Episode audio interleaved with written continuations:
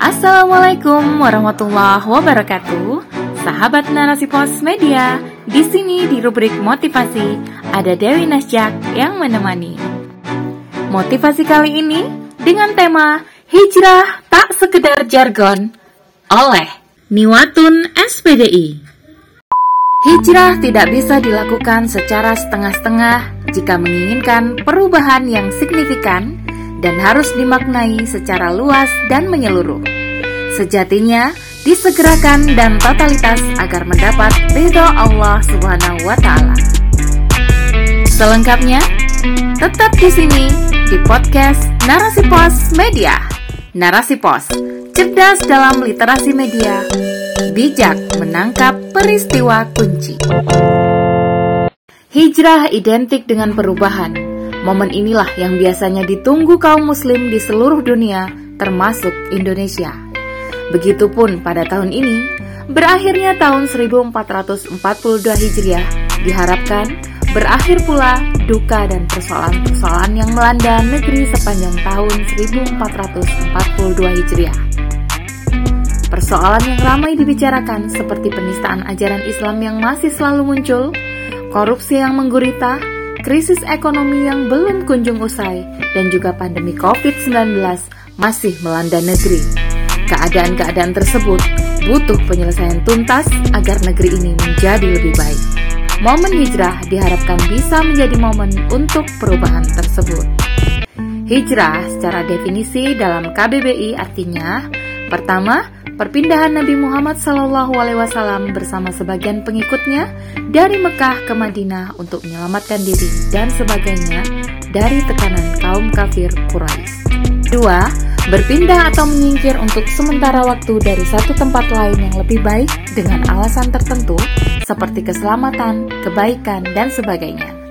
Dan yang ketiga, hijrah adalah perubahan sikap, tingkah laku, dan sebagainya ke arah yang lebih baik.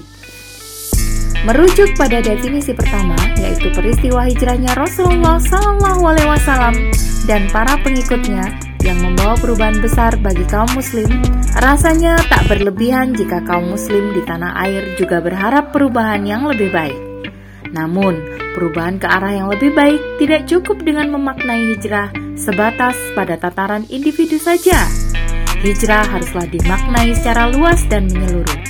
Hijrah harus dilakukan dengan perubahan pada diri individu, masyarakat, dan perubahan aturan secara totalitas. Hijrah tidak bisa dilakukan secara setengah-setengah jika menginginkan perubahan yang signifikan.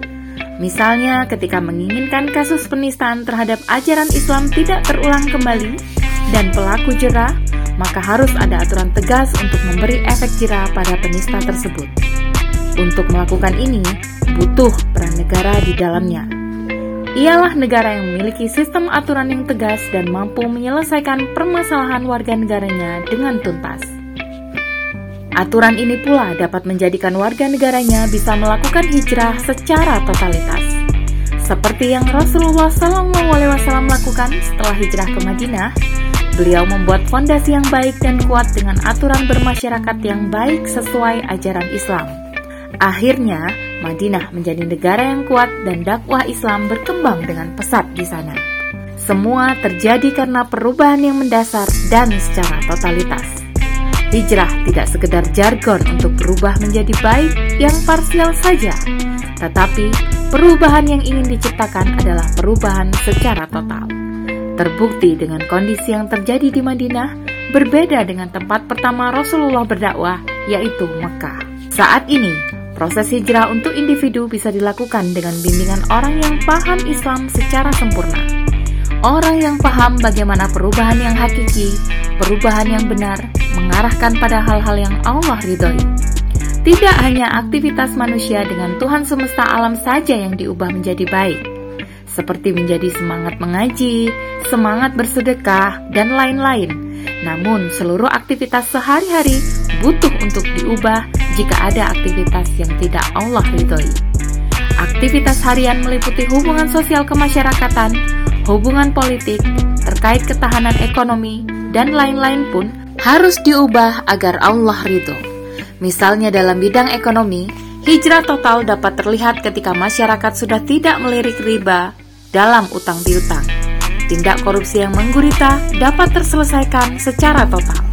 Persoalan lain pun terselesaikan dengan aturan yang sempurna, yaitu Islam. Hijrah sejatinya disegerakan dan totalitas agar mendapat ridho Allah.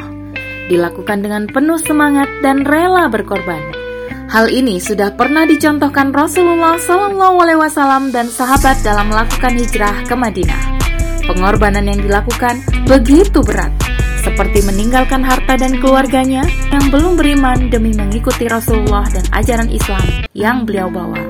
Masya Allah, masih ada kesempatan untuk berubah secara totalitas agar negeri ini lebih maju dan menjadi baldatun toyibun warobun gafur menjadi negeri yang mampu menyejahterakan rakyat secara keseluruhan.